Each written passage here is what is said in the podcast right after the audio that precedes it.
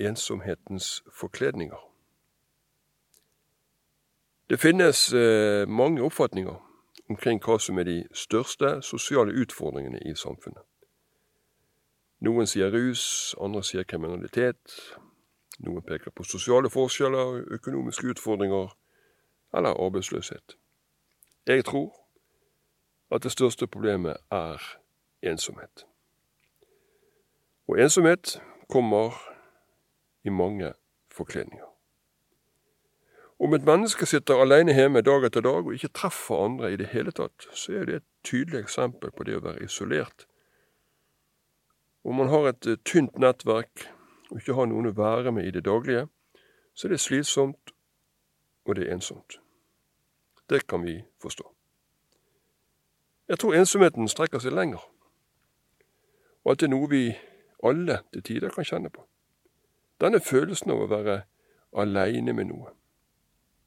At vi kan kjenne oss aleine midt blant folk og midt i en travel hverdag fordi vi bærer på noe som, noe som ikke syns utenpå.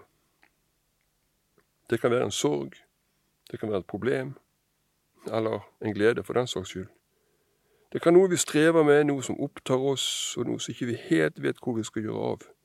For hvem kan vel forstå at jeg har det sånn som jeg har det akkurat nå?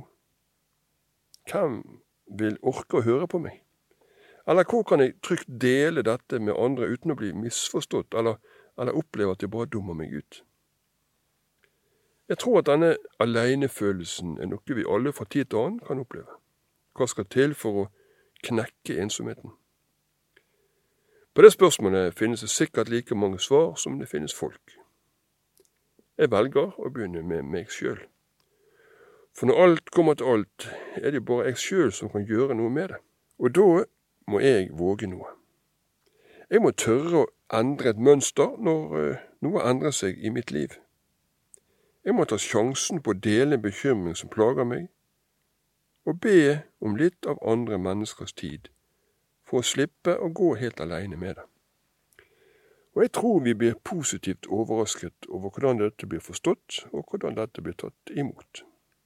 Resultatet vil være at andre rundt en sjøl også tør å kaste noe av sine forkledninger. Sånt blir det mer fellesskap og mindre ensomhet av. Som med så mye annet så begynner dette med meg sjøl. At jeg våger meg frempå den dagen jeg trenger det, og at jeg tar meg tid når noen trenger meg.